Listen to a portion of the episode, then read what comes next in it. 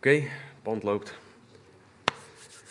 De afgelopen weken zijn wij bezig geweest met het huwelijk. We zijn al een aantal maanden zelfs bezig met het Bijbelboek Efeze.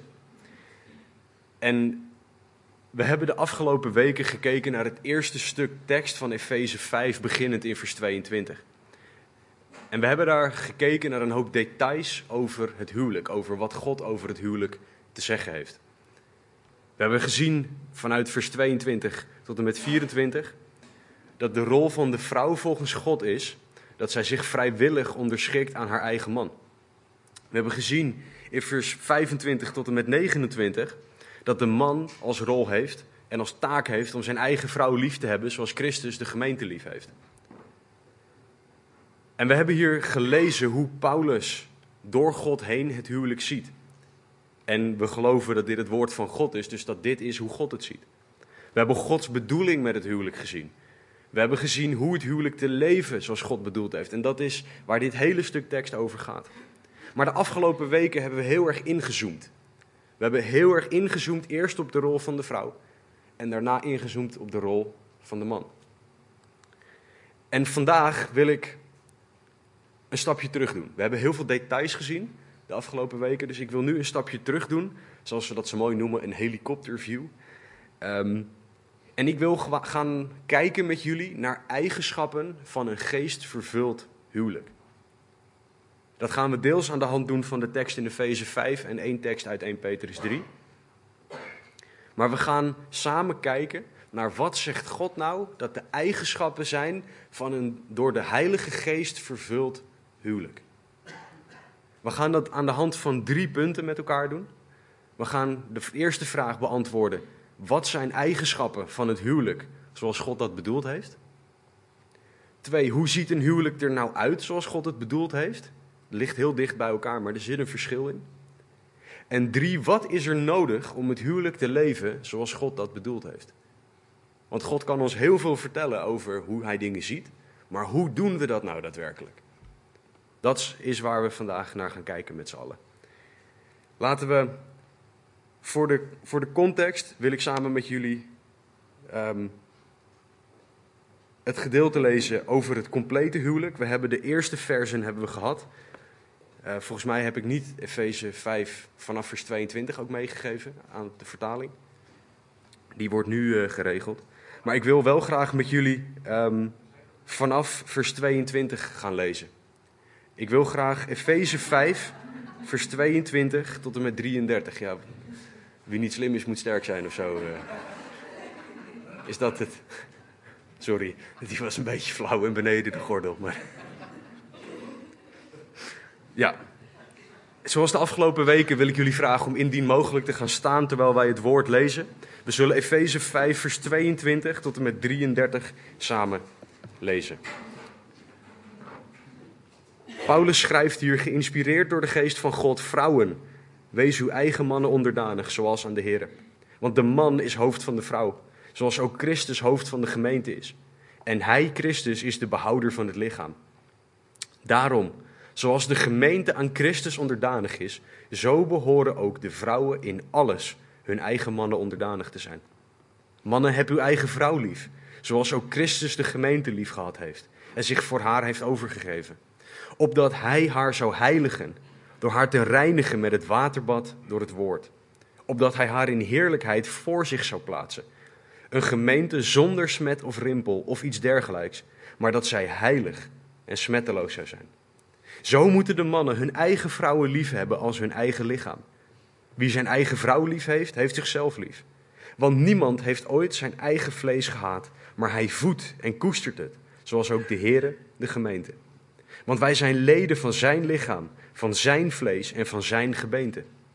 Daarom zal een man zijn vader en moeder verlaten en zich aan zijn vrouw hechten. En die twee zullen tot één vlees zijn. Dit geheimenis is groot, maar ik spreek met het oog op Christus en de gemeente. Kortom, ook u moet, ieder in het bijzonder, uw eigen vrouw net zo lief hebben als uzelf. En de vrouw moet ontzag hebben voor haar man. Heere God, dank u wel. Dank u wel voor dit prachtige stuk tekst. Dank u wel, heren, voor de oneindige diepte die u hierin gestopt hebt. Heer, het is mijn gebed dat u vandaag tot een ieder van ons zal spreken. Dat u onze harten aan zal raken. Dat u ons zal corrigeren, dat u ons zal bemoedigen, dat u ons alles zal geven wat we nodig hebben om het huwelijk te leven zoals u dat van ons vraagt. Heer, spreek tot ons zoals alleen u dat kan. Spreek door mij heen, Heer, laat alleen uw woorden uit mijn mond komen. En Heilige Geest, spreek tot onze harten zoals alleen u dat kan. Heer, dat bidden en vragen wij niet omdat wij het verdienen, maar uit genade alleen. In Jezus' naam. Amen. Neem alsjeblieft plaats.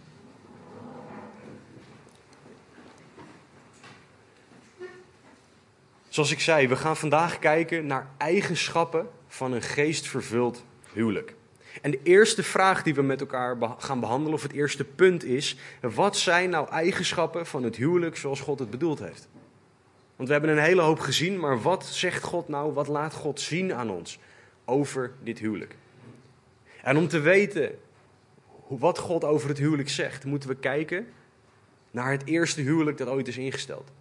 Er is een regel in de Bijbel dat als je wil weten wat iets betekent, moet je naar de eerste plek gaan waar iets omschreven of gebruikt wordt, bijvoorbeeld een bepaald woord.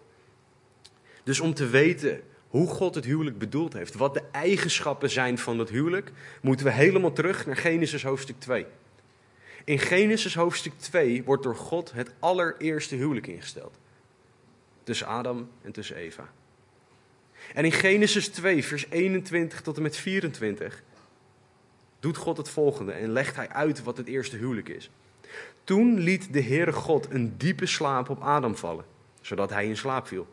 En hij nam een van zijn ribben en sloot de plaats ervan toe met vlees.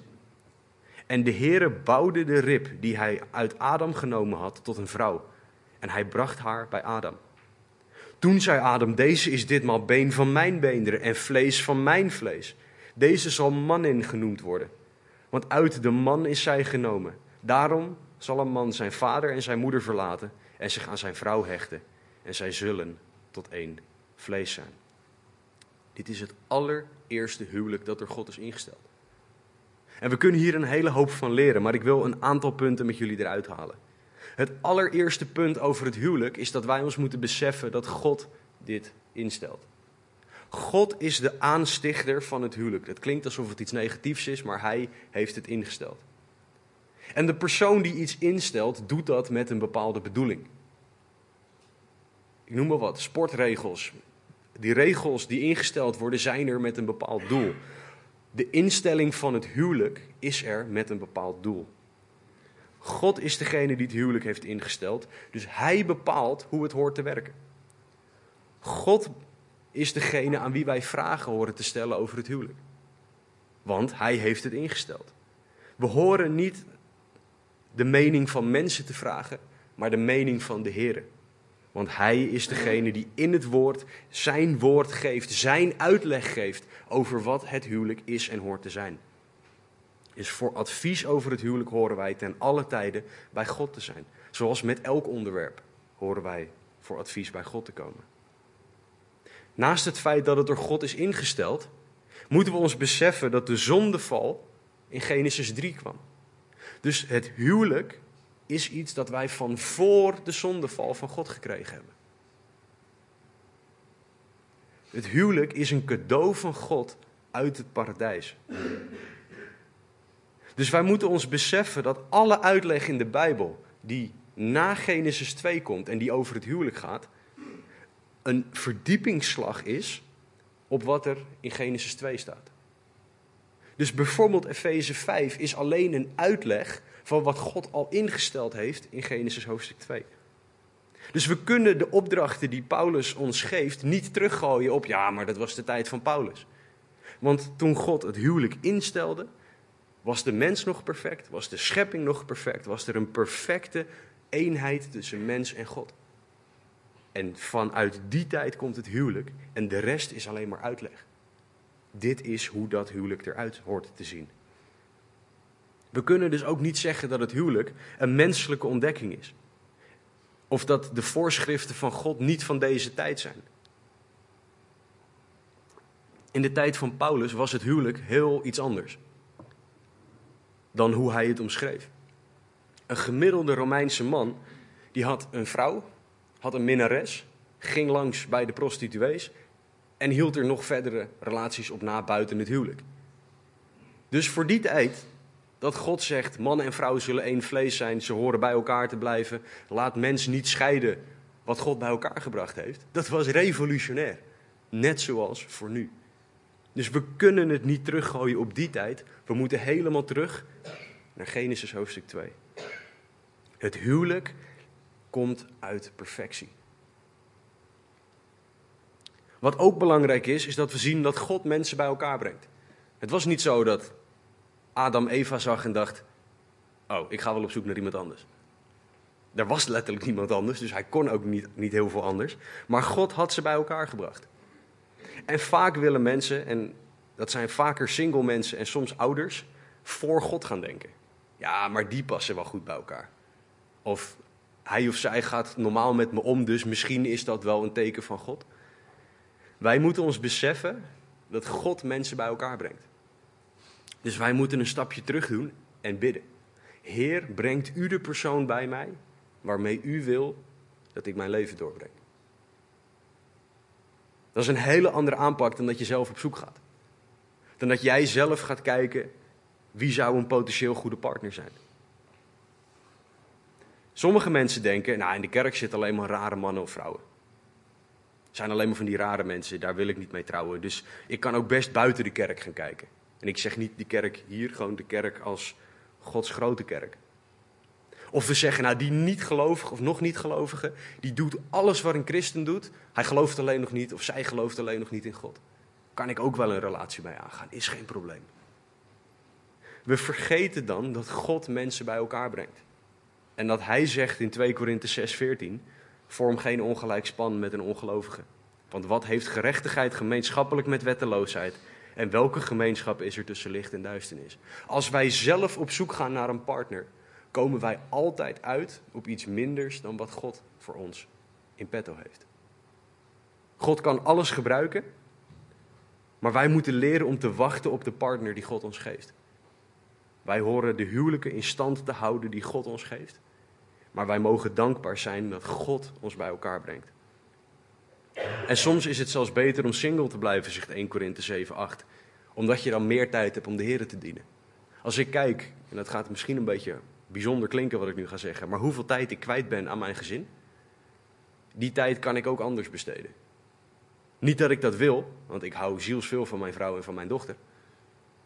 Maar als jij single bent, dan heb jij niet de zorg voor, voor een gezin. En kan jij tot s'avonds laat bezig zijn met de Heer dienen in een, op een andere manier. Terwijl ik nu het voorrecht heb om mijn vrouw te mogen dienen tot s'avonds laat. Een andere eigenschap die we zien uit Genesis 2 is dat het huwelijk tussen één man en één vrouw is. Adam en Eva. In het Engels zei iemand: It's Adam and Eve, not Adam and Steve. Tegenwoordig maken wij er allerlei combinaties van. Het is Adam en Eva, niet Adam en Stefan. Het is echt, God is heel duidelijk. één man, één vrouw. En de vraag is, zijn wij bereid om ons beeld ondergeschikt te maken aan het beeld dat God ons geeft van het huwelijk? Zijn wij bereid om God te laten neerleggen hoe dingen werken? Of willen wij dat zelf doen?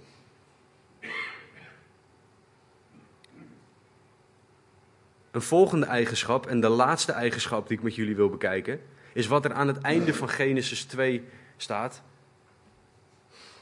Dat man en vrouw tot één vlees zullen zijn. Dat heeft een hele brede betekenis. Maar ik wil het beperken tot letterlijk één vlees. En wat dat betekent is dat we het over het enge onderwerp van seks gaan hebben. Waarom eng? Omdat seks een onderwerp is in de kerk wat bijna een taboe geworden is. We hebben het er niet over. Terwijl het een onderdeel van het huwelijk is. We moeten het er op een respectvolle en nette manier over hebben. Maar we horen het er wel over te hebben. Wat ik bedoel te zeggen is, ik hoef geen details van mensen, dat wil ik ook niet. Maar we horen wel met elkaar bijbels te kunnen kijken naar wat God zegt over seksualiteit. Want man en vrouw zullen tot één vlees zijn. Wat God hier zegt is, binnen het huwelijk, daar ligt de grens voor seksualiteit. God geeft de grens aan waar het is toegestaan. En als wij ons denken ondergeschikt maken aan dat van God, dan zullen we zien dat het logisch is om één partner te hebben. Want zo heeft God het bedoeld. Dan zullen we zien dat het logisch is om seks binnen het huwelijk te houden. Want dat is hoe God het bedoeld heeft. Dan gaan we zien dat zoveel dingen die God in zijn woord zegt logisch zijn. Maar wat dat vereist is dat wij ons denken ondergeschikt maken aan dat van God. En niet zelf gaan bepalen. In 1 Korinthe 7 legt God ons uit dat man noch vrouw zijn of haar eigen lichaam in bezit heeft. Om mijn lichaam behoort mijn vrouw toe. Wat Paulus daar ook zegt, is dat man en vrouw elkaar de seksuele intimiteit niet moeten onthouden. Niet moeten zeggen: nee, dat geef ik je niet. Tuurlijk zijn er omstandigheden waardoor dat niet kan. Bijvoorbeeld vlak nadat Eva geboren was, kregen we gewoon het medische, medische bevel zes weken lang geen seksuele intimiteit. Oké, meer dan een goede reden. Maar waar het om gaat is dat je niet seks mag gebruiken als een manier om je partner te straffen, bijvoorbeeld. Of om je eigen verlangens boven die van de ander te stellen. Laat heel duidelijk zijn, wat ik hier niet zeg, is dat als een van de twee vraagt in het huwelijk om seks, dat het altijd per definitie direct moet gebeuren. En dat je anders een zondaar bent. Dat zeg ik niet. En dat zegt Paulus niet. Ik zeg ook niet dat degene met, de grootste, met het grootste verlangen naar seksuele intimiteit het lichaam van de ander op kan eisen. Want als je het letterlijk uit zijn context pakt, staat er: Het lichaam van mijn vrouw is van mij.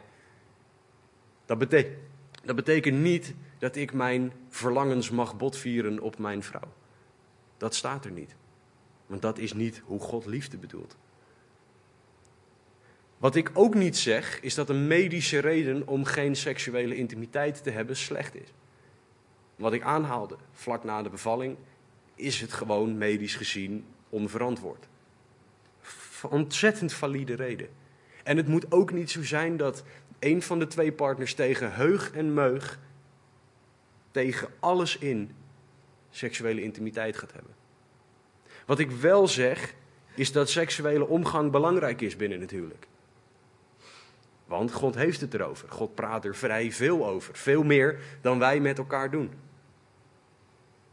En een van de redenen die Paulus ons geeft om te trouwen is: hij zegt: als jij brandt met verlangen, en daarmee bedoelt hij naar seksuele intimiteit, dan zegt hij: moet je gaan trouwen. Als jij dan getrouwd bent en jouw partner zegt: nee, maar dat doen we niet. En jouw partner zegt in alle tijden: nee, maar daar heb ik geen zin in dan ben jij dus deel, een deel van de reden dat jij het huwelijk inging, was omdat je brandt met verlangen. De Bijbel zegt dat binnen dat huwelijk je die verlangens kwijt moet kunnen, tot op zekere hoogte. In de zin van niet hoe ik het altijd en alle tijden wil.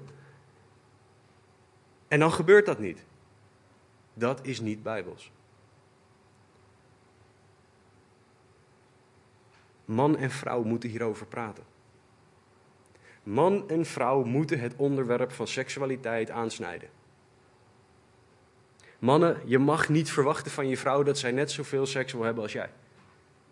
Vlak voordat Amit en ik gingen trouwen, dacht ik, er zitten zeven dagen in een week. Dan ging ik uitrekenen, nou, dan kwam ik op een getal uit. dat, waren wel, dat, waren, dat waren twee cijfers. En dat, ja, ik kan uit. De eerlijkheid gebiedt mij om te zeggen dat dat niet zo is en dat is ook niet erg. Maar ik dacht toen anders na. Ik dacht vanuit mijn eigen verlangens na over seks. Wat vind ik heel fijn? Mijn beeld van seksualiteit was verwrongen. Zoals heel veel mannen was mijn beeld over seks gevormd door films en pornografie. En wat je daarin ziet is seks nu op de manier en het moment dat ik wil. En dat is niet seks zoals God het bedoeld heeft. God moet mijn denken, moet jullie denken allemaal hervormen. Romeinen 12:2 wordt hervormd door de vernieuwing van je denken. Ook hierin. Vrouwen, weet dat seks belangrijk is voor je man, voor je huwelijk. En jullie zullen er samen uit moeten komen, net zoals mijn vrouw en ik daar samen uit moeten komen. Door te praten wat voor jullie werkt. Laat heel duidelijk zijn, ik ga hier niet een getal noemen van jullie moeten x aantal keer in de week seks met elkaar hebben. Dat kan ik niet geven. Want ik weet niet hoe jullie huwelijk in elkaar zit, hoe dat werkt voor jullie. Maar jullie zullen daar samen uit moeten komen. Man en vrouw moeten praten met elkaar hierover. Je zou je verlangens aan moeten geven en die dan ondergeschikt moeten maken aan de Heer. Want wat ik zei net, ik had een getal met twee cijfers in mijn hoofd. Ik heb dat ondergeschikt moeten maken aan wat de Heer van mij vraagt. Dat is namelijk mijn vrouw liefhebben, zoals Christus de gemeente. En dan betekent dat dat ik mijzelf moet verloochenen. Mijzelf aan de kant moet schuiven. En dit is geen aanklacht richting mijn vrouw, laat dat heel duidelijk zijn. Ik moet, jullie moeten, wij allemaal moeten hierover gaan praten met onze partner. Voor diegenen van jullie die nog niet getrouwd zijn. Dit is een onderwerp dat je aan moet snijden. Je moet het hierover gaan hebben. Want anders wordt het een heel ongemakkelijke tijd. Seks is belangrijk. God noemt het verschillende keren. Bij het eerste huwelijk zegt hij: zij zullen één vlees worden. En belangrijk is dan hoe wij het huwelijk zien. En mijn vraag is: hoe zie jij het huwelijk?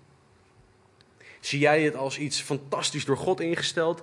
Of denk jij: oh nee, ik ben getrouwd met die persoon, wat vreselijk. Zie jij het huwelijk als iets waar je God bij moet helpen? Als jij nog niet gelooft. Of nog niet getrouwd bent, sorry. Zie jij dat jij God even een handje moet helpen in de juiste richting?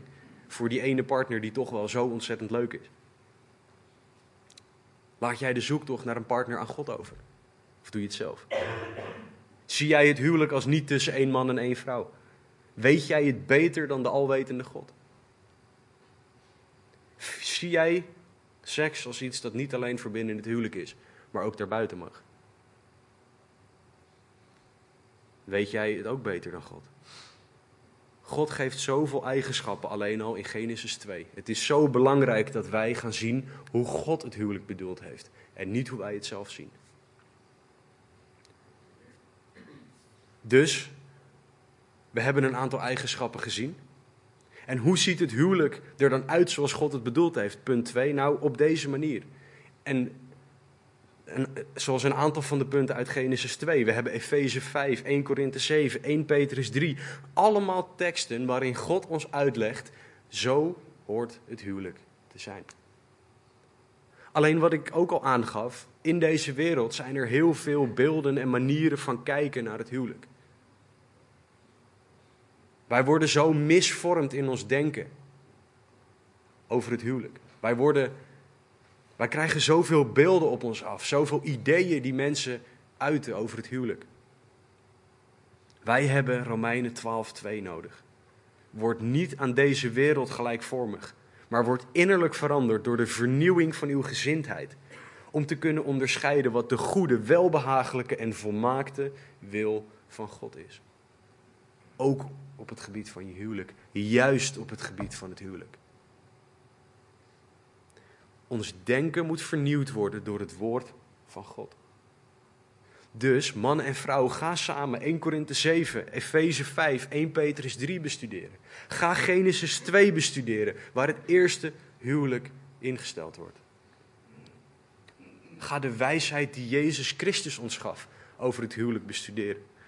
Want ons denken moet veranderd worden naar hoe God het huwelijk ziet. Hoe hij de rol van de man en de rol van de vrouw ziet. Wat wij ons ook moeten beseffen, is dat een van de eerste plekken die Satan aan zal vallen, onze vijand, is het huwelijk. Want het huwelijk is een weerspiegeling van hoe Christus met zijn gemeente omgaat. Als Satan dat beeld kapot kan maken, dan maakt hij ons beeld kapot van hoe God met ons omgaat. Dus wat hij doet, is hij maakt het huwelijk kapot.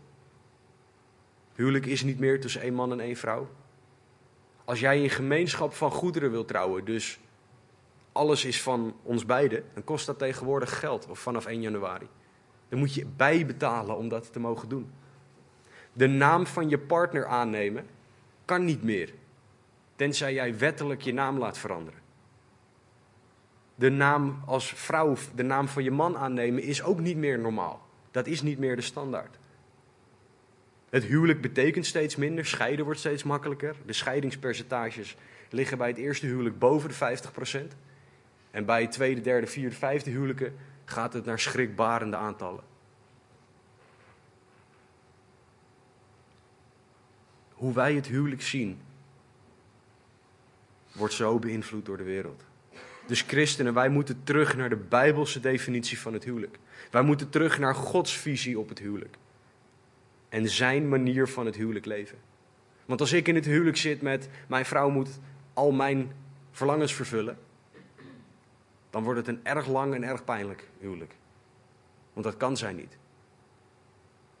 Zo egoïstisch ben ik. Dus wij hebben het nodig om hervormd te worden in ons denken. Dus hoe ziet een huwelijk eruit zoals God het bedoeld heeft, zoals zijn woord dat omschrijft? En dat moeten jullie, moeten wij gaan bestuderen. Ik spring heel snel over dit punt heen, omdat we daar, ik wil hier later nog op terugkomen, over hoe het huwelijk er precies uitziet. Ik wil namelijk nu toe naar wat is er nodig voor het huwelijk zoals God het bedoeld heeft. Want ons beeld moet hervormd worden, maar wij moeten ook iets gaan doen. Wij moeten daders van het woord zijn, niet alleen hoorders. Dus als derde punt wil ik vandaag met jullie kijken naar wat bijbelse eigenschappen zijn die nodig zijn voor het geestvervulde huwelijk. En we gaan daarvoor door een deel van Efeze 5 heen en we zullen 1 Petrus 3:7 met elkaar gaan bestuderen. En ik wil een aantal hoog, uh, gewoon grote ideeën wil ik halen uit de versen die we gaan bestuderen. Het eerste vers is Efeze 5:30, waar staat: "Want wij zijn leden van zijn lichaam, van zijn vlees en van zijn gebeente." De eerste eigenschap is dat wij als leden van zijn lichaam moeten zijn. Binnen het huwelijk. En wat ik daarmee bedoel is de kerk, zegt 1 Korinthe 12, zijn leden van Gods lichaam. Maar vandaag wil ik me focussen op het feit dat man en vrouw op Jezus Christus gebouwd moeten zijn. Op God gebouwd moeten zijn. Psalm 18:2 zegt: De Heere is mijn rots mijn burcht, mijn bevrijder, mijn God, mijn rots, tot wie ik de toevlucht neem. Mijn schild en de hoorn van mijn heil, mijn veilige vesting. De Heere is mijn rots. Daar hoort ons leven op gebouwd te zijn. In Efeze 3:17 hebben we gezien dat wij in Christus geworteld en gefundeerd moeten zijn. In 1 Korinthe 3 legt Paulus uit dat Jezus het fundament is waarop wij moeten bouwen. En dat is wat nodig is in het huwelijk. Dat moet de basis van het huwelijk zijn. Dat moet namelijk Jezus Christus zijn. Als er namelijk een ander fundament is, dan voldoet het huwelijk niet aan zoals God het bedoeld heeft. Want als wij een andere basis hebben, dan hebben wij geen objectieve waarheid om op terug te vallen. Als wij een ander beginpunt hebben dan Jezus Christus, dan gaat de mens bepalen hoe het huwelijk werkt. Als Jezus Christus de basis is voor het huwelijk, dan hebben wij een stevige, onwankelbare basis. Als Jezus het fundament is, dan hebben wij altijd iemand, God, om op terug te vallen. Als Jezus het beginpunt is, dan gaat Hij ons vertellen wat er wel en niet van ons verwacht wordt.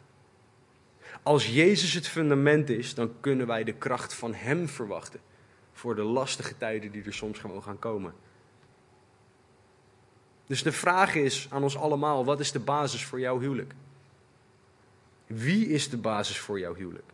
Vallen jullie op Hem terug? Op Jezus Christus of op iemand anders? Is Jezus zijn mening doorslaggevend in jouw huwelijk? Of is de mening van iemand anders doorslaggevend in jouw huwelijk? Een belangrijk onderdeel van leden van zijn lichaam zijn, is dat wij tijd besteden om naar het hoofd te luisteren. In Colossense legt Paulus uit dat Jezus het hoofd is van het lichaam. En man en vrouw moeten dus naar Jezus luisteren. En wij moeten tijd aan zijn voeten doorbrengen. En dat is een hele hoop christelijk jargon voor lees je Bijbel, bid elke dag dat je groeien mag. Er is geen excuus, geen niks wat je kan bedenken als man en vrouw in een huwelijk om niet een sterke relatie met God te hebben. Want als jij een zwakke relatie met God hebt, dan heb je een probleem. Onze prioriteitenlijst hoort als volgt te zijn. Op plek 1 staat God. Alles wat wij belangrijker dan God maken is een afgod. en is een probleem voor ons. Op plek 2 staat je partner. Op plek 3 komen je kinderen pas. En daarna komt werk, kerk, andere dingen. Waarom die volgorde? God moet buiten kijf staan. God is de belangrijkste relatie die we hebben. Want Hij is onze basis. Waarom daarna je partner? Omdat jij nadat je kinderen het huis uit zijn nog steeds met je partner opgescheept zit. En dat bedoel ik minder negatief dan dat het zo klinkt. En daarna komen pas je kinderen. Je hebt die van God gekregen, je hebt een verantwoordelijkheid richting je kinderen. Maar je partner staat boven je kinderen. Ik heb een keer iemand horen zeggen: Stel de auto rijdt een ijzige rivier in. En mijn vrouw en kinderen zitten in die auto. En je mag één iemand redden. Je kan één iemand redden. Wie red je dan? En deze persoon zei: Ik red altijd mijn vrouw. Want ik heb haar, dat is mijn levenspartner. Het is een hartverscheurende keuze en ik hoop van harte dat we hem nooit hoeven te maken. Maar je partner staat boven je kinderen. Dit is wat wij nodig hebben om staande te blijven. Om je huwelijk te laten slagen. Want als je relatie met God stevig is, gefundeerd op Jezus, dan kan je in Hem alles aan. Als je relatie met God wankelt of er niet is, dan heb je een heel, heel, heel groot probleem. Want Satan die kan dan alles met je doen wat hij maar wil. Die kan je alles laten geloven wat je maar wil. Die gaat zonde in je hoofd goed praten. Die gaat zeggen, wat is het stom dat die partner voor jou niet voldoet aan je verlangens. Dat wil ik toch, dat mag ik toch aangeven. In de plaats van dat je je partner gaat dienen. Zoals Christus, de gemeente. Warren Wiersbe heeft gezegd, wanneer het woord van God jou beheerst, ben jij gevuld met de geest van God. Beheerst Gods woord jouw denken? Of beheers jij jouw denken? Leef jij dicht bij God? Leg jij je leven elke dag bij Hem neer? Of wil jij alleen maar dat de ander verandert? Kan jij alleen nog maar op jezelf vertrouwen? Heb jij advies van die ene persoon altijd nodig? God zegt dat we alleen op Hem moeten vertrouwen, spreuken 3:5. Dat is wat elk mens nodig heeft, zeker gehuwde mensen. Is Christus de basis van jouw huwelijk of iets of iemand anders? Eerste eigenschap van een geestvervuld huwelijk is dat wij leden van zijn lichaam moeten zijn. De tweede eigenschap komt uit Efeze 5, vers 31. Die hebben we ook gelezen in Genesis 2. Paulus schrijft er: Daarom zal een man zijn vader en moeder verlaten en ze gaan zijn vrouw hechten. En die twee zullen tot één vlees zijn. Op het moment dat een man en een vrouw trouwen, gebeurt er iets heel belangrijks. Ze worden één voor God en ze beginnen een nieuw gezin, een nieuwe eenheid. Man en vrouw vallen dus dan niet meer onder de eenheid van hun ouders, maar ze worden deel van een nieuwe eenheid die God geeft. En dat heeft een aantal gevolgen. Ik heb een andere verantwoordelijkheid richting mijn ouders sinds dat ik getrouwd ben dan voordat ik getrouwd was. Ik hoor nog steeds mijn ouders te eren. Dat gebod vervalt niet. Maar niet boven het huwelijk met mijn vrouw. Als mijn ouders aan mij vragen om mijn vrouw aan de kant te schuiven of voor hun te kiezen boven mijn vrouw, heb ik ten alle tijde de plicht om voor mijn vrouw te kiezen. En nou doen mijn ouders dat niet, laat dat duidelijk zijn, maar ik heb die verantwoordelijkheid. De man moet zijn vrouw liefhebben boven het luisteren naar zijn ouders. En de vrouw moet zich aan haar man onderschikken boven het luisteren naar haar ouders. Man en vrouw moeten zich ook losmaken van hun ouders. Ze moeten een nieuw gezin beginnen. Dat betekent niet je ouders aan de kant schuiven, want dat is niet je ouders eren.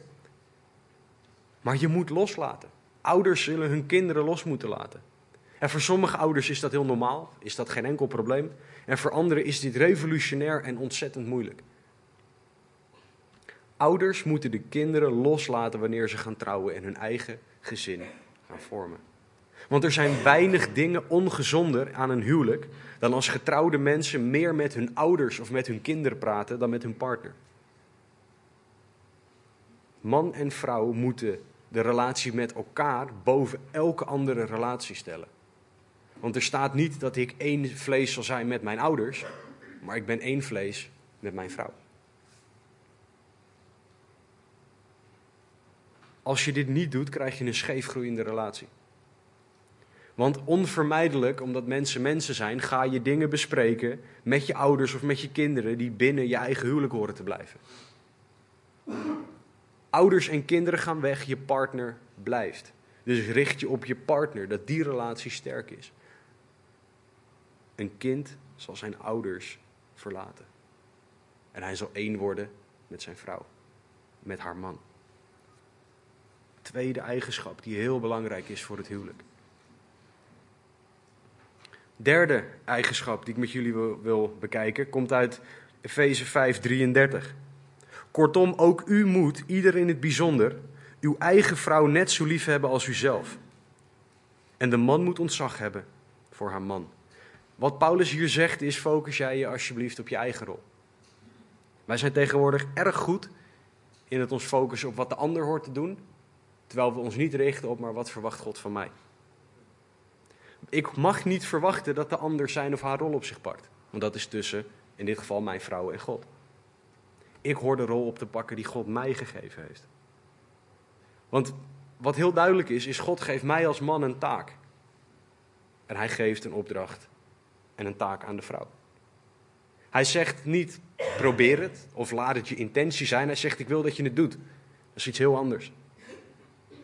God geeft een opdracht die wij dienen te doen zoals hij dat opdraagt. Nergens staat er in het woord dat ik mijn vrouw moet controleren. Dat ik met een checklijstje daar mag staan en heb je vandaag dat en dat en dat gedaan. Nergens staat dat ik een soort beoordelingsgesprek met mijn vrouw moet hebben. Een functioneringsgesprek aan het einde van het jaar. En hoe heb je het gedaan dit jaar? Nergens staat, en dat is een hele belangrijke, dat ik aan moet geven waar het beter kan. Nergens staat dat ik mijn vrouw moet opvoeden.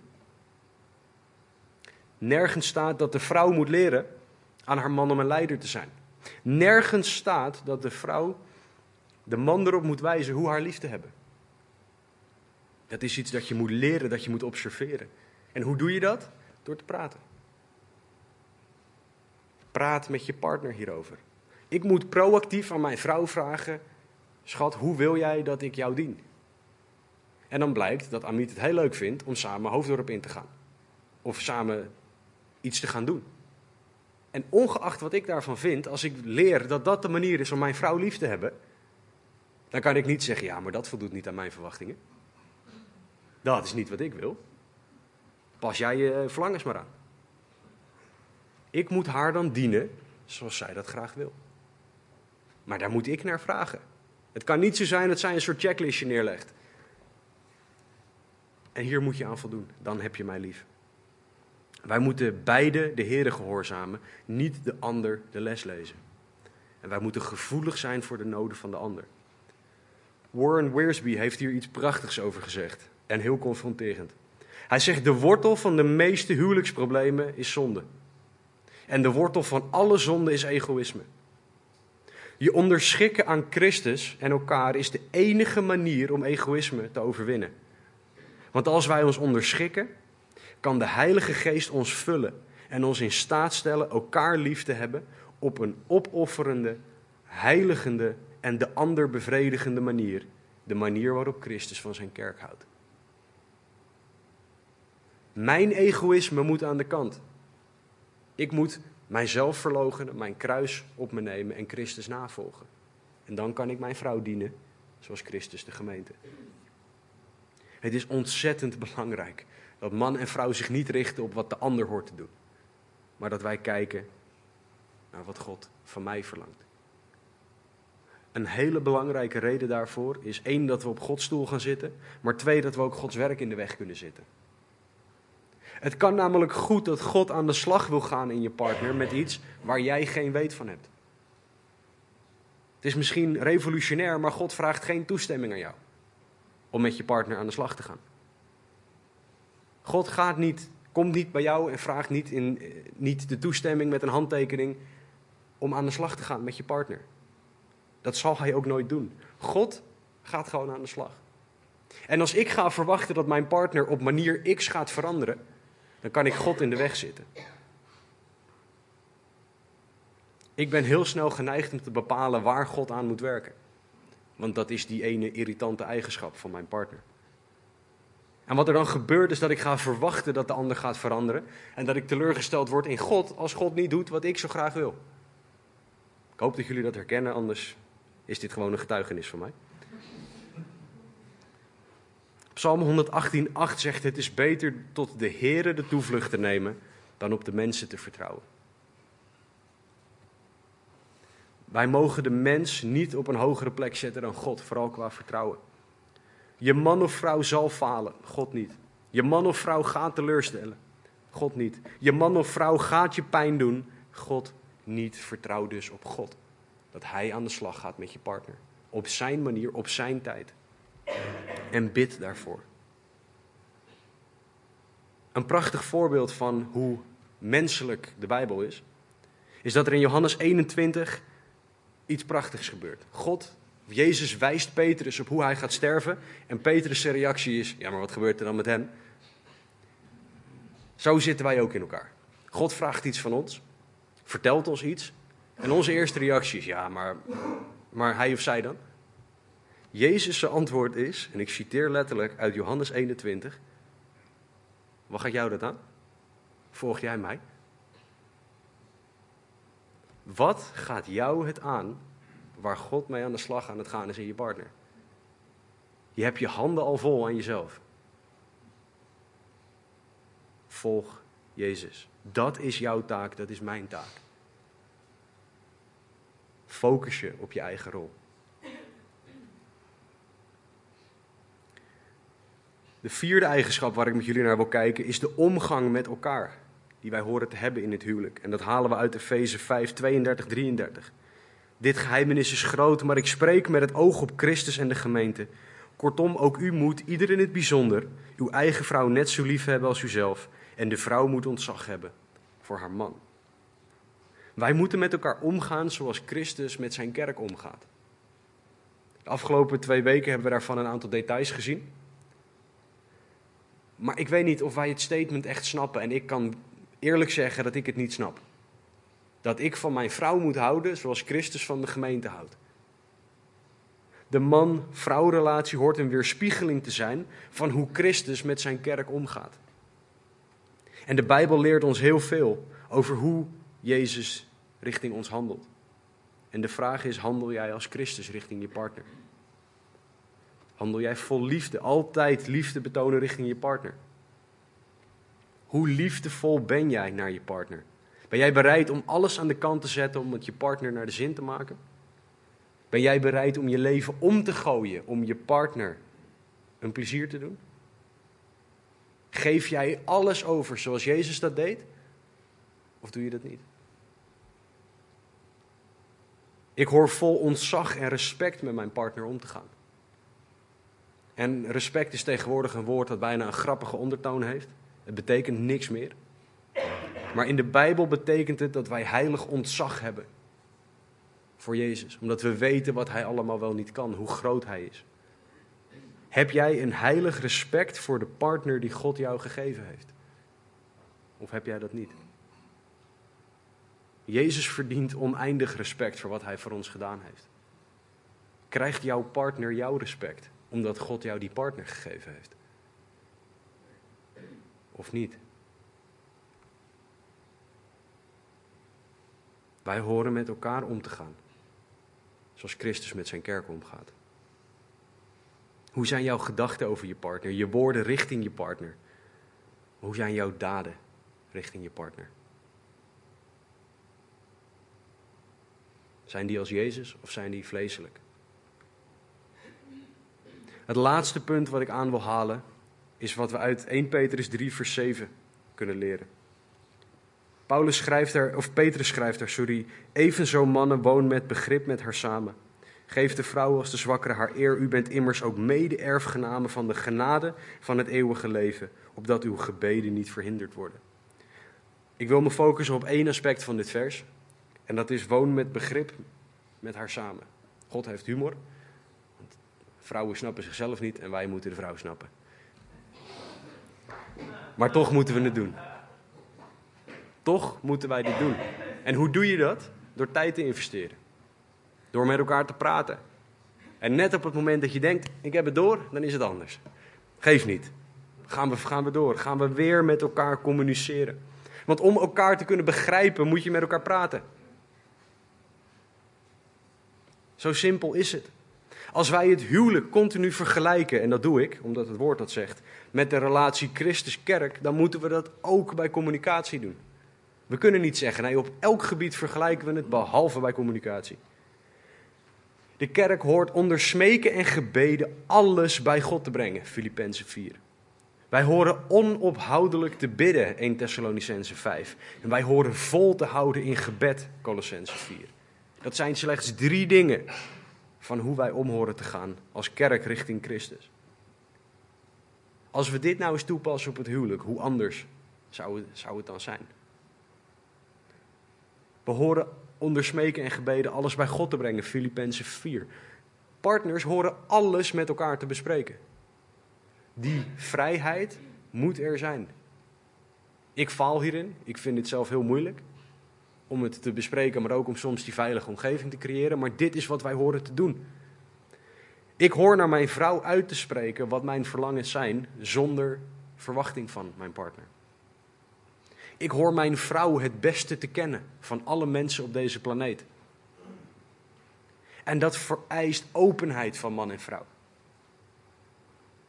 Dat vereist dat je dichter bij elkaar komt en uiteindelijk dichter bij God.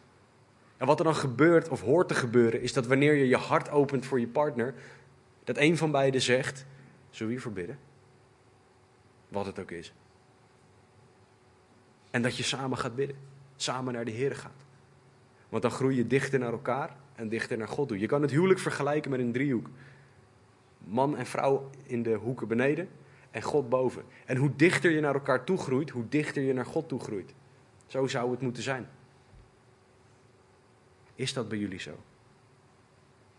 Als wij onophoudelijk moeten bidden, 1 Thessalonicense 5, dan horen man en vrouw continu met elkaar te communiceren. Ik mag niet van mijn vrouw begrijpen dat ze alles in één keer begrijpt. Ik mag niet van mijn vrouw vragen, sorry, dat ze alles in één keer begrijpt wat ik zeg. Dat ze het altijd juist interpreteert en altijd een juiste reactie geeft. Want dan zou mijn vrouw perfect zijn. En hoe geweldig ze ook is, ze is niet perfect. God is de altijd perfecte gesprekspartner. Je aardse partner, je man of vrouw, is een zondig mens. Dus je moet blijven communiceren. Je moet elkaar in liefde wijzen op dingen die de ander zegt, als die kwetsend zijn. Wij horen continu met elkaar te praten. We horen het niet op te geven. En dat sluit aan bij de volgende. Als wij moeten volhouden in gebed, Colossense 4, dan horen wij vol te houden in communicatie.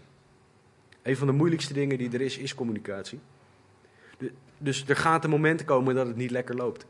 Maar dan moet je blijven volhouden, blijven proberen. Jezelf in liefde onderschikken aan de ander. En in liefde blijven communiceren. Blijf het proberen en vooral blijf bidden. Bid dat je partner open wordt, maar ook dat je zelf mag leren luisteren en reageren zoals God dat vraagt. Want het kan zijn dat je partner iets vanuit zijn of haar hart deelt en dat jij zoiets hebt van, even normaal joh, dat is niet zo'n probleem. Dat is niet zo heftig. Of dat je een verkeerde reactie geeft, dat je het op een verkeerde manier zegt. Dat is vooral mijn grote probleem. Ik zeg dingen op de verkeerde manier tegen mijn vrouw. Met de verkeerde gezichtsuitdrukking. Zit je nou te lachen, Roos? Sorry hoor. Niet om mij, gelukkig. De vraag is, hoe communiceren wij?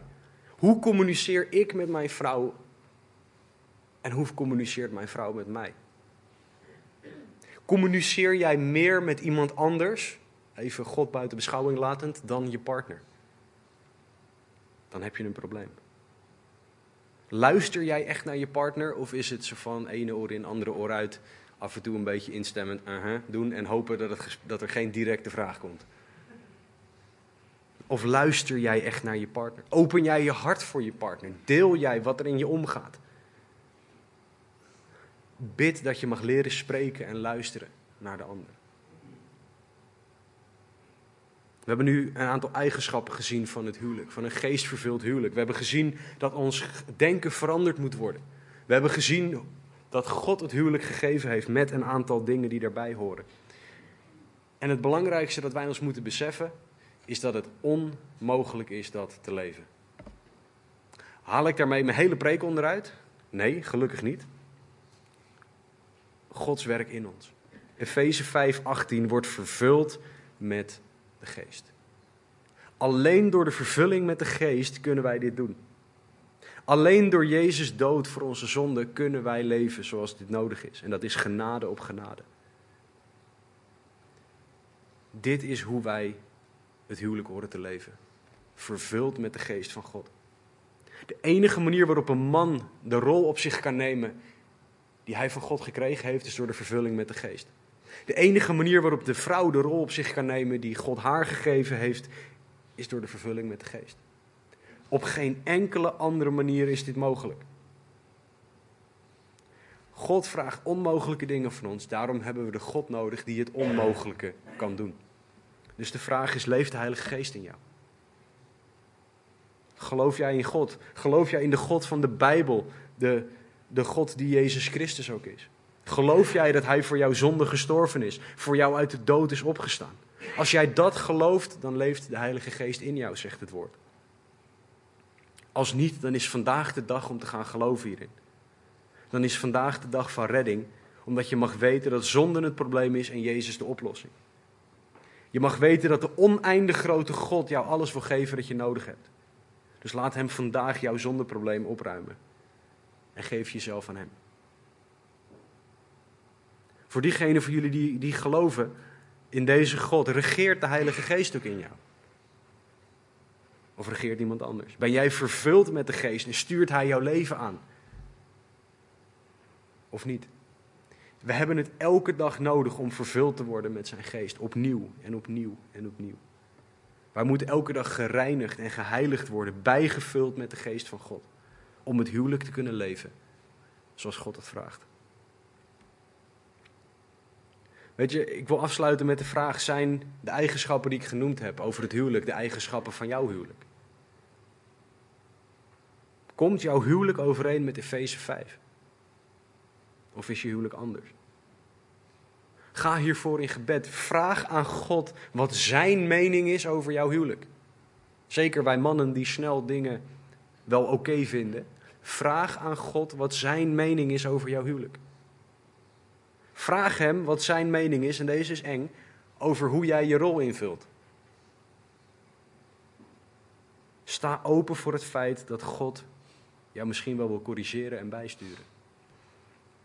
Man en vrouw gaan met God in gesprek. Het aanbiddingsteam komt zo naar voren. En dan zullen we één of twee liederen samen zingen. Maar ga in gesprek met God. Ga bidden en vraag aan Hem wat Zijn mening over jouw huwelijk is. Vraag Hem je ogen te openen voor wat er niet klopt in jou, in je huwelijk. Vraag God om zichzelf aan jou te laten zien hoeveel Hij van je houdt en wat voor jou de juiste reactie is. Laat je eigen leven, maar zeker ook je huwelijk, geleid en gevuld zijn door de Heilige Geest. Dat mag je vragen aan God. Laten we bidden. Heere God, dank u wel. Dank u wel, Heere, dat u zo goed bent. Dat u zo groot bent. Dank u wel, Heere, dat u de God bent die het huwelijk gegeven hebt. Dank u wel dat u de God bent die ons zoveel wil laten zien van wie u bent. Heere, dank u wel dat u de God bent die tot ons wil spreken over onze huwelijken. En Heere, dank u wel dat u de God bent die altijd het perfecte voorbeeld geeft. Heere Jezus, dank u voor hoe u van de kerk houdt. Leer ons om zo van onze partner te houden, alstublieft. Heer, het is mijn gebed dat u op dit moment tot man en vrouw zal spreken. Dat u man en vrouw zal corrigeren, zal bemoedigen, zal aanmoedigen, Heer, waar nodig. Heer, het is mijn gebed dat wij allemaal veranderd zullen worden naar uw evenbeeld. Heer, ik bid dat u op dit moment zal spreken tot alle harten. En dat een ieder zal zien wie u bent. En terwijl je je ogen dicht houdt, ga met de Heer in gesprek. Ga Hem vragen wat Hij van jou verlangt, wat er wel en niet goed is in jouw leven, in jouw huwelijk. Als je gebed nodig hebt, ik zal hier vooraan staan. Ik wil Amit vragen om ook erachter te staan. Delano, ik wil het jou ook vragen. Als jij gebed nodig hebt, voor wat dan ook in je huwelijk, voor wat dan ook in je leven, kom naar iemand toe voor gebed. Ga hier niet weg voordat iemand met jou gebeden heeft. Maakt niet uit of je een bediening hebt op dit moment, maar ga met iemand bidden.